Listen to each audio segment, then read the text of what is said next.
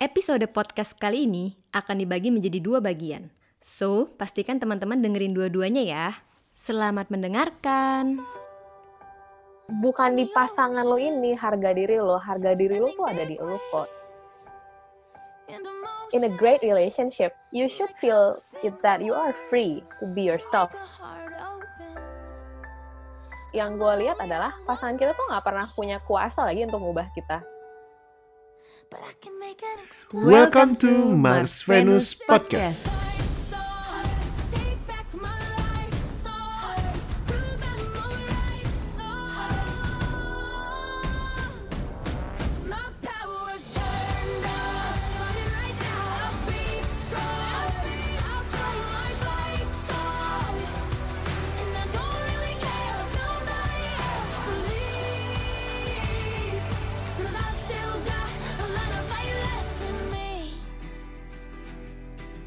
Alright, selamat pagi, selamat siang, selamat sore, selamat malam semuanya.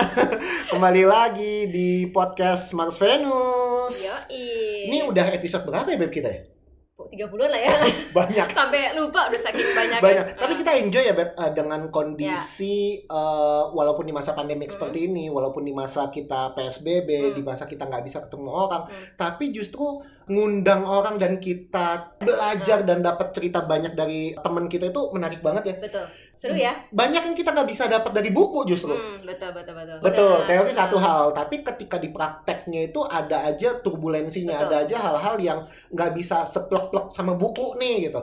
Dan apalagi kita pernah ngobrolin di IG Iya, kita betul. ngobrolin soal menyakiti ya, Menyakiti diri sendiri. menyakiti diri Hmm. sendiri dan surprisingly banyak banget Iya. nih yang ngebalas banyak banget curhatan-curhatan yang di luar ekspektasi kita Hmm, cerita-ceritanya justru ya. Sebenarnya awal IG story itu kenapa kita bikin itu adalah ada salah satu teman kita yang curhat bahwa dia tuh lagi menyakiti dirinya sendiri. Entah Hmm. kenapa ada dorongan untuk itu. Hmm. Kemudian kita coba open discussion di IG story nih BPN ya. Hmm, hmm. Terus ternyata nggak disangka-sangka banyak juga yang mengalami seperti itu antara dirinya sendiri atau pasangannya ya, nih. ya, ya. Atau mungkin orang yang dikenal. Orang yang dikenal Hmm, benar. hmm. Nah makanya kita cukup shock sih loh ternyata banyak ya dan kalau kita yang mau kasih solusi kita juga nggak tahu karena nggak pengalaman gitu ya. Iya, Ya, iya, iya. siapalah kita ini gitu. Ya, ya, ya. Makanya kita kali ini undang seseorang yang udah expert di bidangnya ya. Betul. Kita nggak mau sembarangan nih Betul, karena betul. eh, ini sahabat aku ini sahabat Hmm. pertama aku beb Eh, Iya. waktu kuliah. kuliah. Oke. karena aku kan kuliah psikologi Hmm. dan walaupun aku lulusan psikologi aku cuma sarjana psikologi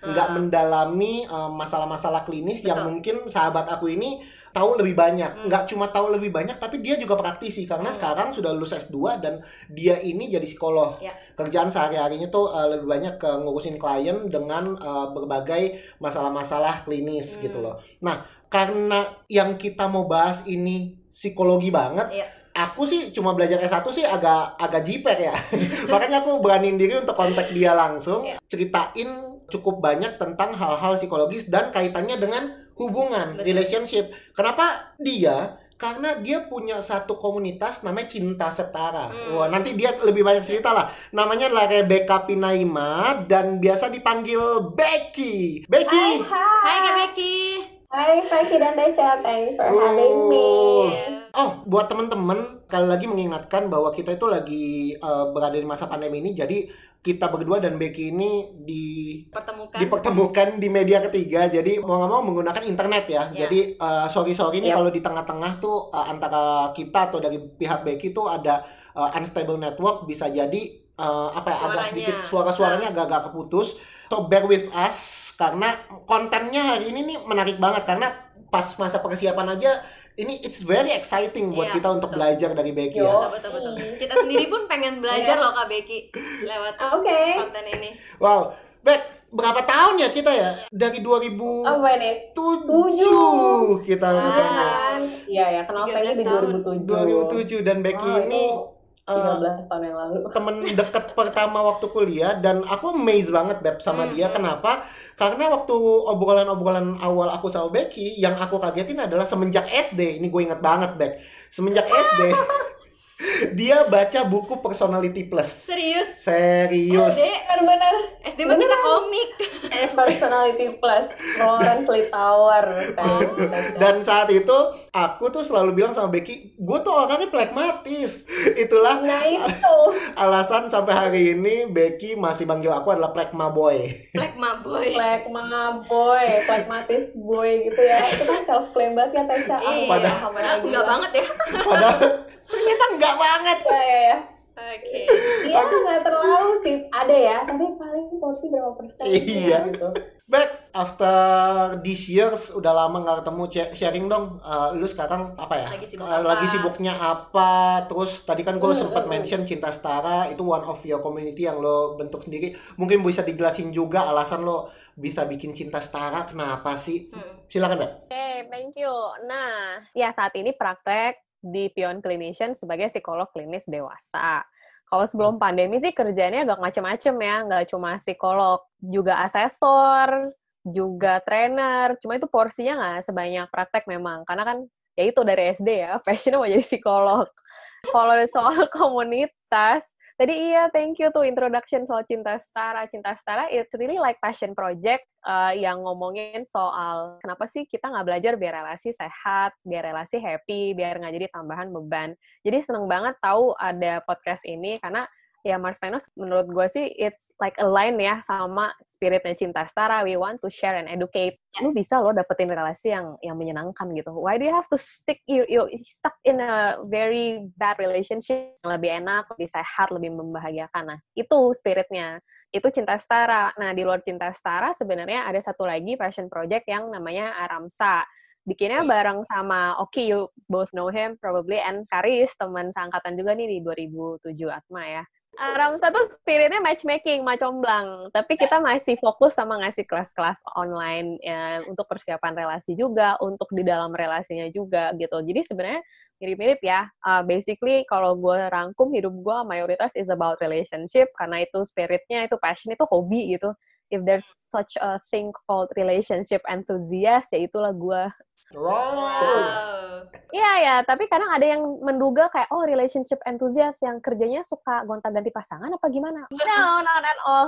Tapi memang I kind of see you both as relationship enthusiast juga. Maksudnya kayak orang-orang yang senang mempelajarinya dan senang untuk membantu misalkan orang lain yang punya permasalahan tersebut dan senang aja untuk tahu apa sih yang bisa kita lakukan di dalam hubungan pribadi kita in maybe your marriage gitu. Atau ketika kayak gue sekarang uh, in a relationship state gitu itu gimana sih biar itu ada ya biar it's growing it's a part of a blessing juga gitu gitu sih. Berarti sekarang komunitas cinta setara Aramsa itu uh, part of your passion, hobi untuk bisa membuat community jauh lebih baik lagi ya di konteks relationship. Tapi dalam karir sendiri justru membantu banyak orang uh, sebagai psikolog, betul ya sebagai psikolog klinis. klinis dewasa ya. Klinis dewasa dan banyak banget klien-klien yang lo handle nggak cuma sekedar bagian relationship tapi juga bagian diri ya. Ya betul ya? Ya ya karena memang berangkatnya ke self lagi sih ujung-ujungnya mau dia masalah di kerjaan mau dia masalah sama teman gitu. Atau keberfungsian diri pada umumnya gitu kan kalau masalah orang udah mulai gangguan kayaknya pada akhirnya balik ke self deh. Maksudnya kembali ke diri orang itu kenapa ya? Dan itu Hmm. menarik sih kalau buat gua ya ya ya. Gitu. Kalau ngomong soal self nih back kalau kita kenal dalam dunia psikologi ada banyak selves lah. Uh, baik itu self esteem kita ngomong self acceptance dan lain sebagainya. Nah gue tertarik karena yang tadi nih poin gue kenapa gue mau undang lo adalah ada beberapa orang yang Nah, Hmm. kayaknya di dalam hubungan terutama kontekstualnya dalam hubungan lebih mentingin orang lain which is nggak nggak salah mementingkan orang lain tapi lebih Hmm. mementingkan orang lain di atas dirinya sendi- sendiri sehingga rela untuk dalam tanda kutip nih kayak nyakitin diri sendiri Uh, kalau gue tuh nggak perlu yang penting-penting lah yang penting tuh udah buat orang lain aja jadi gue kok merasa kayak ada kehilangan self love di sana nggak tahu kalau Hmm. dari kalau dari lo apa nih yang bisa lo lihat dari kondisi seperti ini Bek? Ah, ini hashtag nah ini gitu. nah ini banget topik ini. Iya ya, kalau ngomongin self lu kan banyak banget ya percobaannya. Tadi lu udah bilang semuanya gitu, dan masih lebih banyak lagi gitu. Pada akhirnya adalah susah banget sih buat sadar diri dulu gitu, self awareness gitu kan. Ini aku baik-baik aja apa enggak ya? Kadang orang tuh nggak bisa lo jawab pertanyaan itu. Kalau gue ketemu klien kan ya pasti gue mau tahu kenapa lo psikolog. Dan Hmm. kadang nggak semua orang bisa jawab kenapanya loh kamu kenapa ya? Nggak tahu pokoknya something is not right but I don't know. Kenapa ya gue gitu? Itu itu kan butuh self awareness untungnya gitu ya untungnya orang itu peduli jadi dia melakukan upaya ke psikolog. Itu tanda perhatian ke diri gitu. Di situlah kayak menurut gue it's part of self love self compassion juga dan artinya ada perasaan uh, I care about myself. Myself is not okay I'm not okay. Tapi ya oh kok gue nggak pengen ya ada di situasi not okay terus pengennya kan gitu. Ini ya kenyataan yang gue lihat di ruang praktek adalah kadang kita terlalu susah nih. I have to admit, kadang gue juga kayak gitu sih. Kayak, aduh masalah sendiri berat. Udah ah, tutup dulu bukunya. kayak gitu, kayak kayak tutup dulu, umpetin dulu, beresin orang lain aja lebih gampang. Ya karena kita kalau sama orang lain kan kita lebih objektif ya. Kayak berasa we can see someone else's problem from outside. Jadi kayak oh lu tuh mesti gini, mesti gini, mesti gitu gitu. Tunjuk dulu tuh jari ke muka lo gitu. Lo sendiri gimana gitu sih kalau dari gua. Untuk perasaan I'm not okay, I'm okay itu udah cukup tahu belum ya seseorang. Karena itu akar dari semua hal yang bisa jadi permasalahan di hidup kamu gitu ya. It can come from not understanding yourself, not loving yourself. Gitu Iya. kalau menurut gua.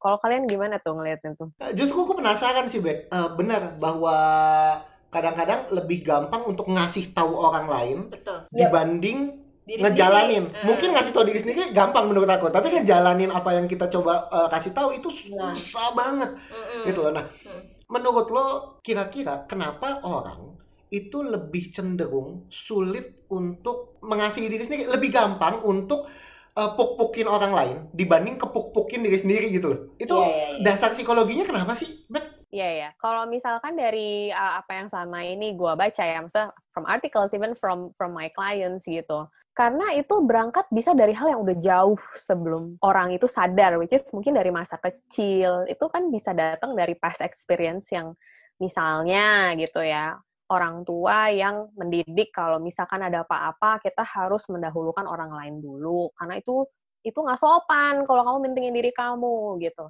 Dan itu sangat culture related ya gitu by the way.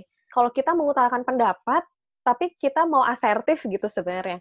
Tapi di mata mungkin orang lain yang culture-nya nggak terima gitu uh, yang namanya komunikasi asertif itu malah jadi kayak ih kamu kurang ajar. Malah jatuhnya agresif communication di mata orang itu. Padahal kita tuh sesimpel pengen ngomong kalau "Ah, aku nggak suka ini misalnya gitu. Aku nggak suka ini. Terus kayak ih kasihan itu orang kamu nggak suka ini itu nyakitin dia. Terus kita kayak oh ya deh maaf maaf nggak kok enak. You know? Itu bisa dari situ. Cuman ya I have to say kalau mau banding bandingin uh, in general culture di budaya kita yang kita tahu kan itu memang tata krama itu memang sesuatu yang it's not ethical gitu loh untuk state sesuatu yang against people's opinion. Itu kan hal yang kita tahu dari dari dulu untuk sopan dan segala macam. Cuman I can see that uh, makin ke sini mungkin lebih bisa terima ya untuk speak up for yourself berani berkata tidak yang kayak gitu-gitu loh itu salah satu hal sih yang gue soroti kenapa jadinya uh, I have to say mostly itu jadi mempengaruhi bagaimana perempuan kemudian jadi bisa menempatkan diri di depan orang lain atau bahkan dibandingkan dengan laki-laki yang kayak gitu-gitu loh. Uh, banyaklah yang bisa dibedah dari situ. I think one of it uh, juga sindrom ini loh, hero. Jadi Ya. kayak seseorang berusaha menjadi hero buat membantu orang lain karena misalnya kalau membantu diri sendiri rasanya udah helpless atau hopeless gitu. And then helping someone else makes me feel good about myself. So why not do that? Kayak gitu. Itu juga kadang ada tuh ya, hero syndrome. Ya mungkin itu kembali ke needs ya. Mhm. Maksudnya ada sesuatu yang menjadi kebutuhan dan kebutuhan itu pengen dipenuhi, tapi caranya dengan membantu orang lain karena ya tentu akan rasanya beda ya kayak wah orang lain berterima kasih sama kita, wah kita berguna dan berkontribusi dan bermanfaat di orang lain gitu. Dan itu kalau mau dikaitkan sama relationship itu sering banget kejadian kayak oke okay, aku masih bisa bantu pasangan aku buat ngelakuin ini, ngelakuin ini, ngelakuin ini. Yaudah deh aku stay di relasi ini. Kalau nggak sama aku, dia mau sama siapa lagi yang bisa ngertiin dia, gitu. Banyak banget contohnya by the way gitu. Banyak banget contohnya di luar sana. I want to know what you think about this. Nah ya, Kak Becky sebelum kita ke relationship nih. Kadang-kadang kalau kita self love kesannya tuh kita egois, egois. gitu. Nah itu ngebedainnya self love sama kita tuh mentingin diri sendiri aja tuh gimana sih kak? Mm -mm. Sama nih pertanyaannya Tesha kayak um, kapan orang self love sama kapan orang narsistik gitu. Pas baca jurnal tuh lumayan tuh kaitannya self love sama being egois, self love sama being narcissistic gitu. Self love itu kan ada di dalam komponennya self compassion gitu, menunjukkan kasih atau uh, you know kindness towards yourself gitu. Dan di dalamnya juga ada how you appreciate yourself. Uh, menghargai itu bisa dalam respect, bahkan bisa men menilai aku tuh seberharga apa gitu, worth ya, arahnya ke worth. Tapi ketika itu jatuhnya adalah kita jadi tidak bisa menempatkan antara kepentingan kita sama orang lain secara berimbang. Kata kuncinya adalah balance. Hmm. Sesuai porsi itu yang bisa kemudian mengarah pada kalau misalkan kita mengorbankan kebutuhan kita jatuhnya jadi ke arah ya kita ignoring our needs ya. Kita atau kalau kita justru berlebihan apa-apa mengutamakan diri kita, kita tidak consider secara proporsional kepentingan orang lain yang berseberangan sama kita, itulah asal muasal dari si egoisme itu gitu. Karena kan kadang kebutuhan kita tidak akan sepenuhnya kita dapat karena itu akan membuat orang lain kerugian gitu atau kayak ada orang-orang yang kemudian jadi mengalami suatu hal yang buruk karena kita dapat yang kita mau. As simply in you know every relationship you have with your family, with your friends, coworker. Jadi kalau seseorang bisa punya empati kemudian dia mau menempatkan diri dengan tepat dan itu cara dia tahu adalah yang ngobrol. Eh, yeah. if I do this, efeknya ke kamu apa ya? Kan itu komunikasi buat dapat feedback kan. Gitu. Bukan kita kayak kayaknya aku gini aja deh. Kayak dia lebih suka diginiin gitu. So tahu gitu ya. Tapi kalau ini lebih kayak membuatnya clear dengan komunikasi dua arah dan mendiskusikan titik tengahnya, komprominya gimana nih supaya aku nggak kemudian jadi menyenggol kamu sedemikian rupa gitu sih kayak gitu cara buat ngebedainnya. Jadi kalau udah ada kerugian terhadap orang lain dan itu tidak mau di-adjust sama sekali, itu sih udah udah egois sih. Lu menang bukan artinya gua harus menang 100% juga, tapi kalaupun gua kalah sedikit tapi gua masih bisa di dalam taraf kompromi, itu masih wajar ya masih ya, oke okay. ya, ya. uh, dibanding kalau lu menang 100% gua harus kalah dan gua mau nggak mau ya, ya, ya. harus oke okay dengan itu dan itu yang merusak diri sendiri jadi nggak nggak ya, ya. self love gitu lah Hmm. Ya win-win lah ya. Dan itu semua perspektif yang sangat subjektif ya by the way. Lagi-lagi tergantung tiap hubungan gimana dia bisa ngerasa aku di sini oke, okay, aku di sini keberatan. Nah, itu sih titik tengahnya akan sangat berbeda buat tiap orang. Eh, yeah. Kuncinya imbang itu ya berarti ya, Kak balance ya balance, balance uh, banget. Ya. ya. Gue sering banget dengar, apalagi kalau kita naik pesawat, kalau ada kondisi darurat, lo harus bantu diri lo sendiri sebelum lo bantu orang lain. Dan buat gue yeah, itu yeah, yeah. sangat relate sih dalam da, dalam hubungan. Kalau lo mau ini works, kalau lo mau bersama orang lain ini works, lo harus bisa uh, pasang masker untuk diri lo sendiri gitu. Lo harus bisa bertahan diri lo sendiri. Lo harus aware diri lo tuh butuhnya apa, diri lo tuh uh, batas rasionalnya harus sampai sejauh apa, baru bisa bekerja bersama-sama nih. Jadi lo tahu nih apa yang enggak, apa yang iya ketika menjalani sebuah hubungan sama orang lain. That's very good. Iya ya benar karena kayak misalnya nih lu gelas kosong gitu, lu kopong gitu ya. Terus hmm. lu mau bantu orang, lu bantu pakai apa ya gitu. It is not like a genuine or it's not full tuh loh.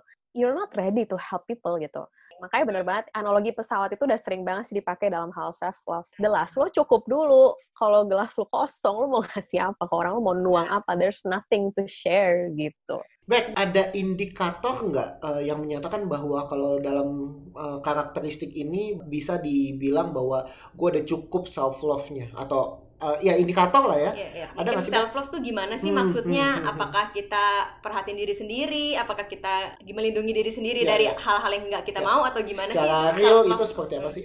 Oke okay, oke. Okay. Jadi pertama-tama tuh mesti berangkat dari pemahaman yang baik ya. Maksudnya if you love yourself, you know yourself. Jadi awareness ada di dalamnya. Di dalam si self love ini, kamu tahu kamu sukanya apa, nggak sukanya apa. Kamu jago dalam hal apa, kamu kekurangan dalam hal apa. You have enough sufficient information about yourself. Nah, kata keyword berikutnya adalah accepting that that's who you are. Gitu. Oh. Karena ketika kita self love itu datang dengan penerimaan gitu. Oh, aku emang orangnya kayak gini. Aku jago di sini, tapi aku limited nih. Aku ada keterbatasan. Aku nggak bisa ini. That's okay. Itu tuh berat banget loh. I have to just highlight that. Um, kalau kita belum bisa accept kita tuh kayak gimana orangnya, kita tuh jadi kayak sebenarnya ada part dari diri kita yang nggak nggak puas kan. Mungkin malah blaming gitu. Kenapa sih aku nggak bisa bisa kayak gini secara berlebihan dan hmm. itu tuh yang bisa arahnya kemudian jadi merasa aku tidak seberharga itu ya ternyata aku nggak bisa ini nggak bisa ini nggak bisa ini gitu. Hmm. makanya di dalamnya itu juga ada rasa appreciate yourself gitu. Kayak oh aku orangnya gini tahu. Iya aku oke okay lah aku seperti ini. Uh, accept gitu. And then there's appreciation.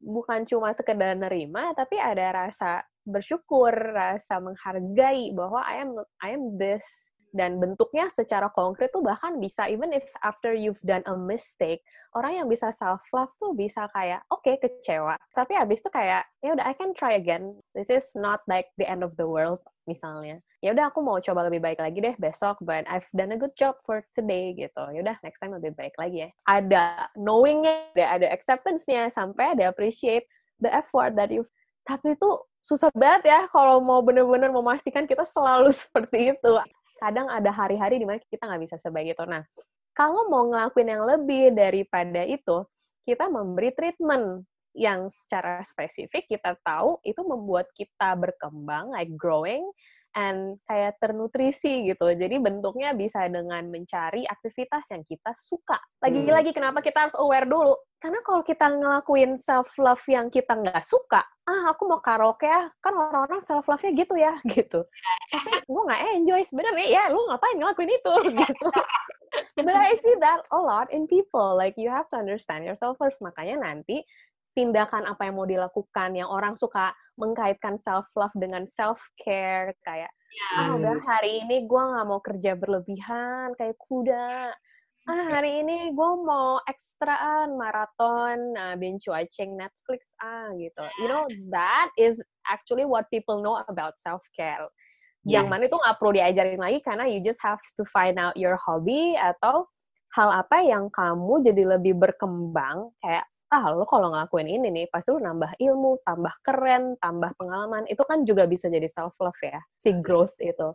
Tapi again, I have to emphasize yang suka orang nggak tahu adalah lu udah tahu diri belum? Lu udah terima diri belum? Lu hargai diri lu belum? Ya self love itu nggak segampang itu. Even yeah. kita ngomong usia deh, usia udah banyak pun bukan berarti lo lebih semakin tua semakin lo sadar diri lo hmm. sendiri enggak juga. Yeah, Actually yeah, yeah, self love nggak segampang itu. Makanya tadi gue suka banget lo bilang mulai dari awareness dan accept yourself dan appreciate yourself. Itu tiga hal yang menurut gue penting untuk dilakukan sebelum lo jatuh cinta sama orang lo jatuh cinta sama diri lo sendiri lah gitu loh iya ya. iya iya ya. terutama kalau lo kecewa kalau ada kondisi-kondisi tertentu uh, menjatuhkan lo lo tahu how to do self care supaya bisa yeah. bangkit lagi dari kondisi lo iya yeah.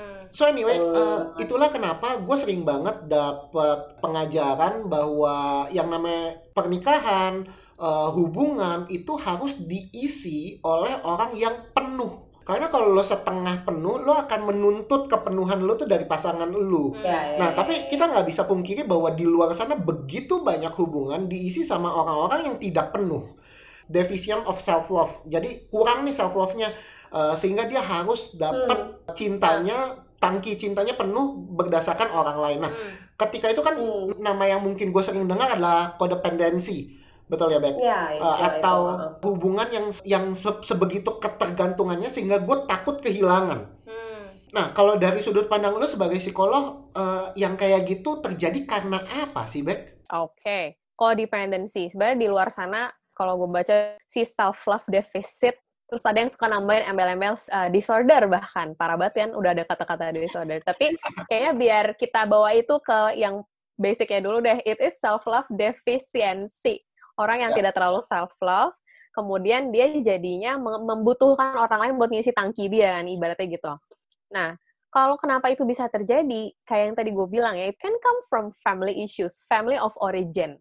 Asal hmm. keluarga lo tuh dulu mungkin juga bukan keluarga yang appreciate lo, keluarga yang suka hmm. ngebanding-bandingin lo sama orang, keluarga yang selalu nyalahin lo, itu akan bikin lo berasa you're not enough. Ataupun lo pernah keluarga lo baik-baik aja, tapi lo pernah punya past relationship atau past friendship yang bisa jadi ya, I have to say the toxic ones, yang akhirnya membuat lo jadi merasa tidak berharga lagi gitu. Jadi abis itu trauma gitu in relationship. Tapi ternyata ya itu dua-duanya berasal dari sebuah istilah ya itu attachment. Hmm. Seseorang yang kemudian kita bilangnya prone to ya. Prone to kayak bisa punya kecenderungan lebih untuk mengalami yang namanya codependency itu ya datang dari insecurity. Jadi hmm. kalau lu pernah dengar, aduh gue insecure banget nih, bla bla bla gitu. Bahasa itu tuh kayak comes from attachment style kan. Ada yang attachment secure, nah ada yang avoidant, kemudian ada yang insecure itu istilahnya preoccupied gitu.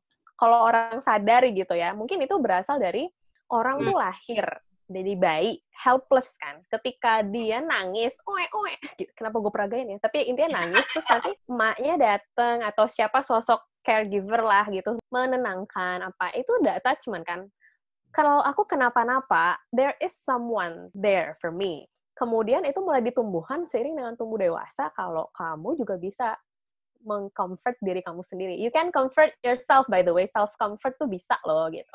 But if you cannot gitu, ada parents yang available emotionally. Nah, buat yang nggak mendapat itu dengan memadai di keluarganya, pengen perasaan lo disayang, pengen perasaan lo di acknowledge, dianggap gitu lah ya, uh, di dalam keluarga nggak dapet, larinya ke temen, abis itu ke pasangan. Aku tuh di keluarga udah diabaikan. Jadi aku mau cari pacar yang ya perhatian. Aku kan udah kambing hitam di keluarga. Kenapa aku harus lagi-lagi ngerasa tidak berarti sih di hubungan pacaran aku. Apa yang kita alami di keluarga kita nggak selesaikan, itu akan kita ulang lagi. Gitu sih. Jadi makanya uh, kenapa itu bisa jadi codependent ya? Karena membutuhkan orang lain untuk bisa membuat seseorang merasa self-worth, self-respect, self-love. Itu semua self-self itu jadi ya nggak dia isi. Tapi orang lain I complete you, you complete me, boleh ditaruh ke arsip masa lalu aja nggak? Karena konsep itu udah nggak zaman. Sekarang it's 100% you, 100% that person, and you're 200%. It's collaboration gitu ya.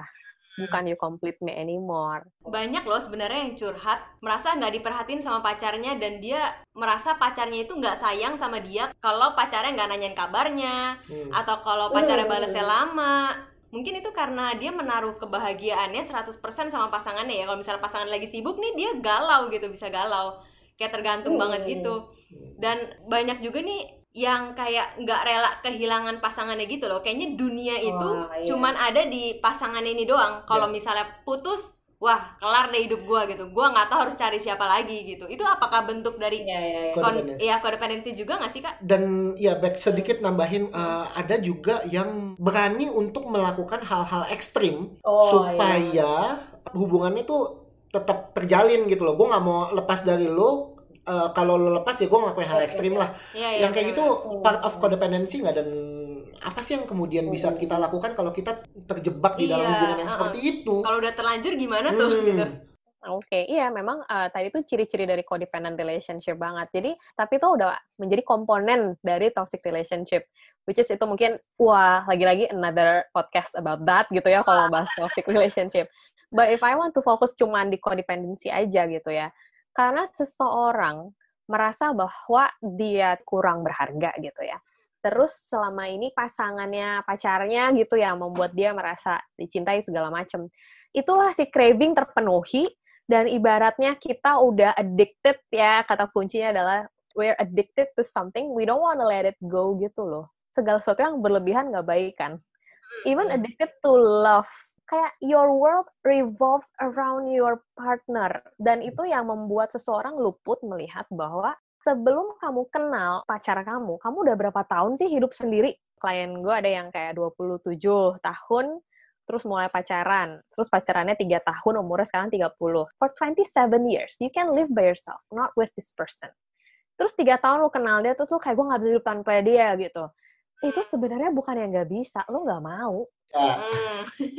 Karena kalau bisa mah 27 tahun ini lu gimana sih? Iya, iya, iya. Bisa gitu.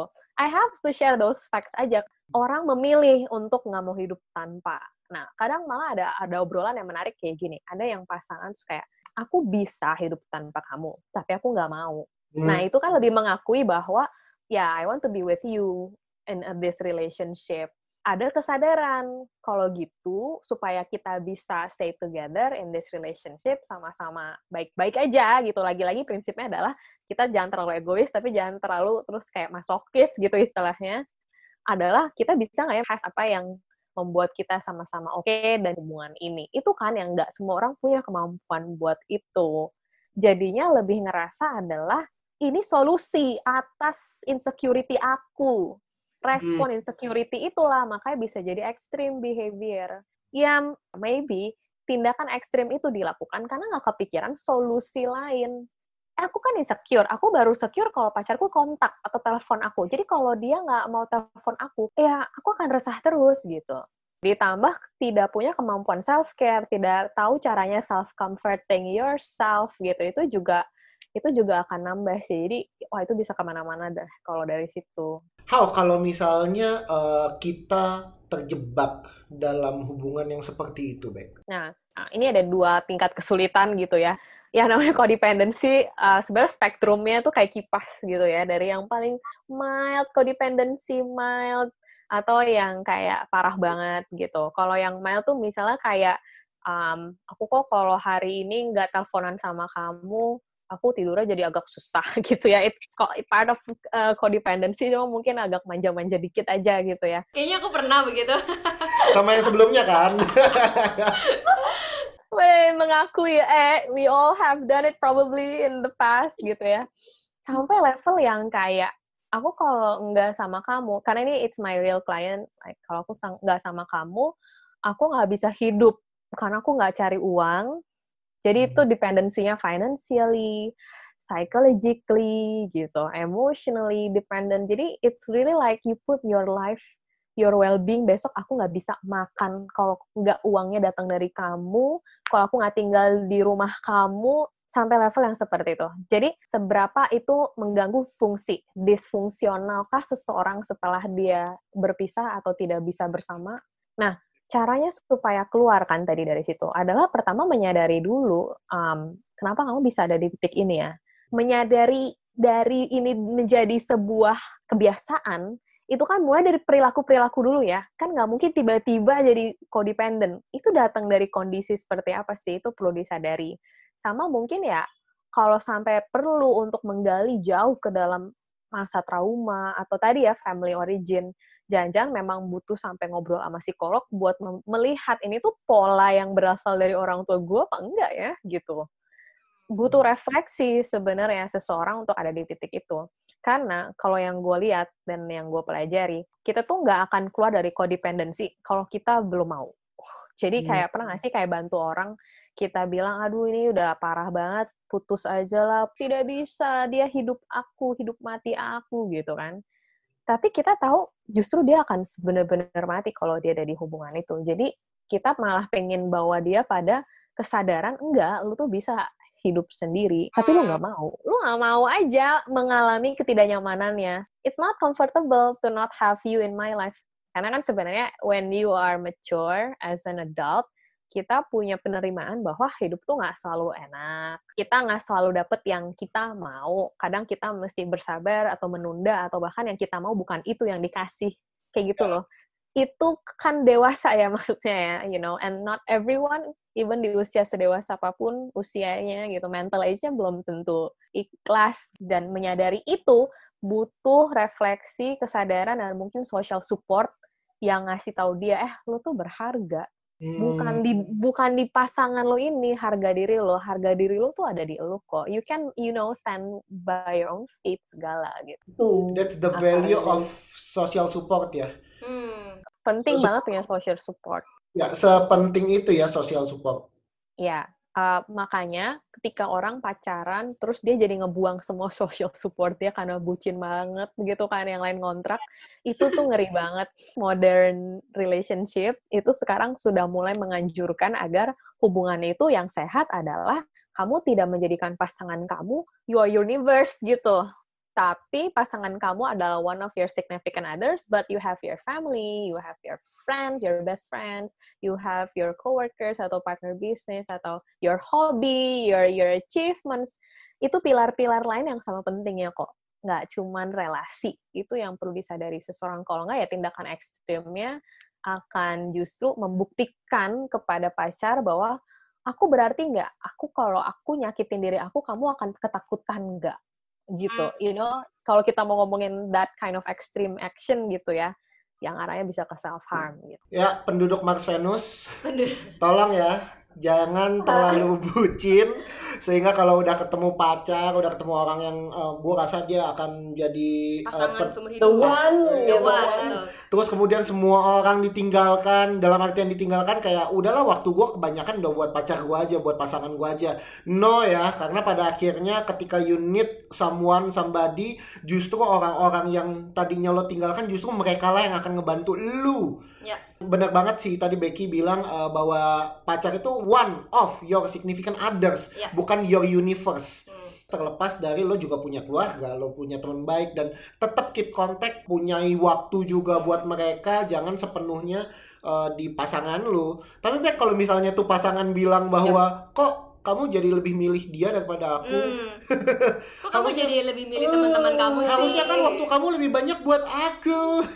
ya itu banyak loh kami. itu harus kita apain ya yang kayak gitu-gitu ya? Iya, iya, iya. Nah, ini adalah hal yang penting banget orang sadari. Maksudnya kadang ya gue suka dapat pertanyaan juga ya. Kapan sih gue harus bertahan sama kapan gue harus ngelepas hubungan? Makanya orang perlu punya self-awareness adalah tahu value kamu dan tahu boundaries kamu. We're talking about boundaries here. Itu kaitannya erat banget sama yang namanya self love, codependency gitu ya. Itu kayak there is no boundaries kan di situ. Nah, kalau kamu punya boundaries, you're gonna do this. Oke, okay. buat gua this is okay. Misalkan ABC is okay tapi DEF enggak nih gitu. And then pasangan kan melakukan hal itu kan kayak model yang pilih aku apa dia, you know that kind of stuff. Dan kalau itu bukan value lu, pertama adalah mensosialisasikan dulu bahwa hmm, sebenarnya I don't agree with that value sih. Kalau itu pendekatan lu, mungkin gue boleh tahu dulu nggak kenapa lu mikir kayak gitu ya, cari tahu dulu lah kenapa pasangannya kayak gitu. baru baru-baru ini sebelum gue ada di sini, gue tuh ikut sebuah workshop tentang abuse KDRT yang bawain teman gue sendiri ya dan dia ngomong seperti ini sih. In a great relationship, you should feel it that you are free to be yourself. In if you can feel that you are free to be yourself and you are not under pressure, tidak merasa terkekang, terancam, it is quite a good relationship sebenarnya kan. Justru kalau terkekang, merasa kita tidak aman, tidak nyaman, terus kita harus pura-pura sama pasangan kita sendiri hanya untuk ngomong aja kita takut dia tersinggung segitunya. You're not hmm. free, right?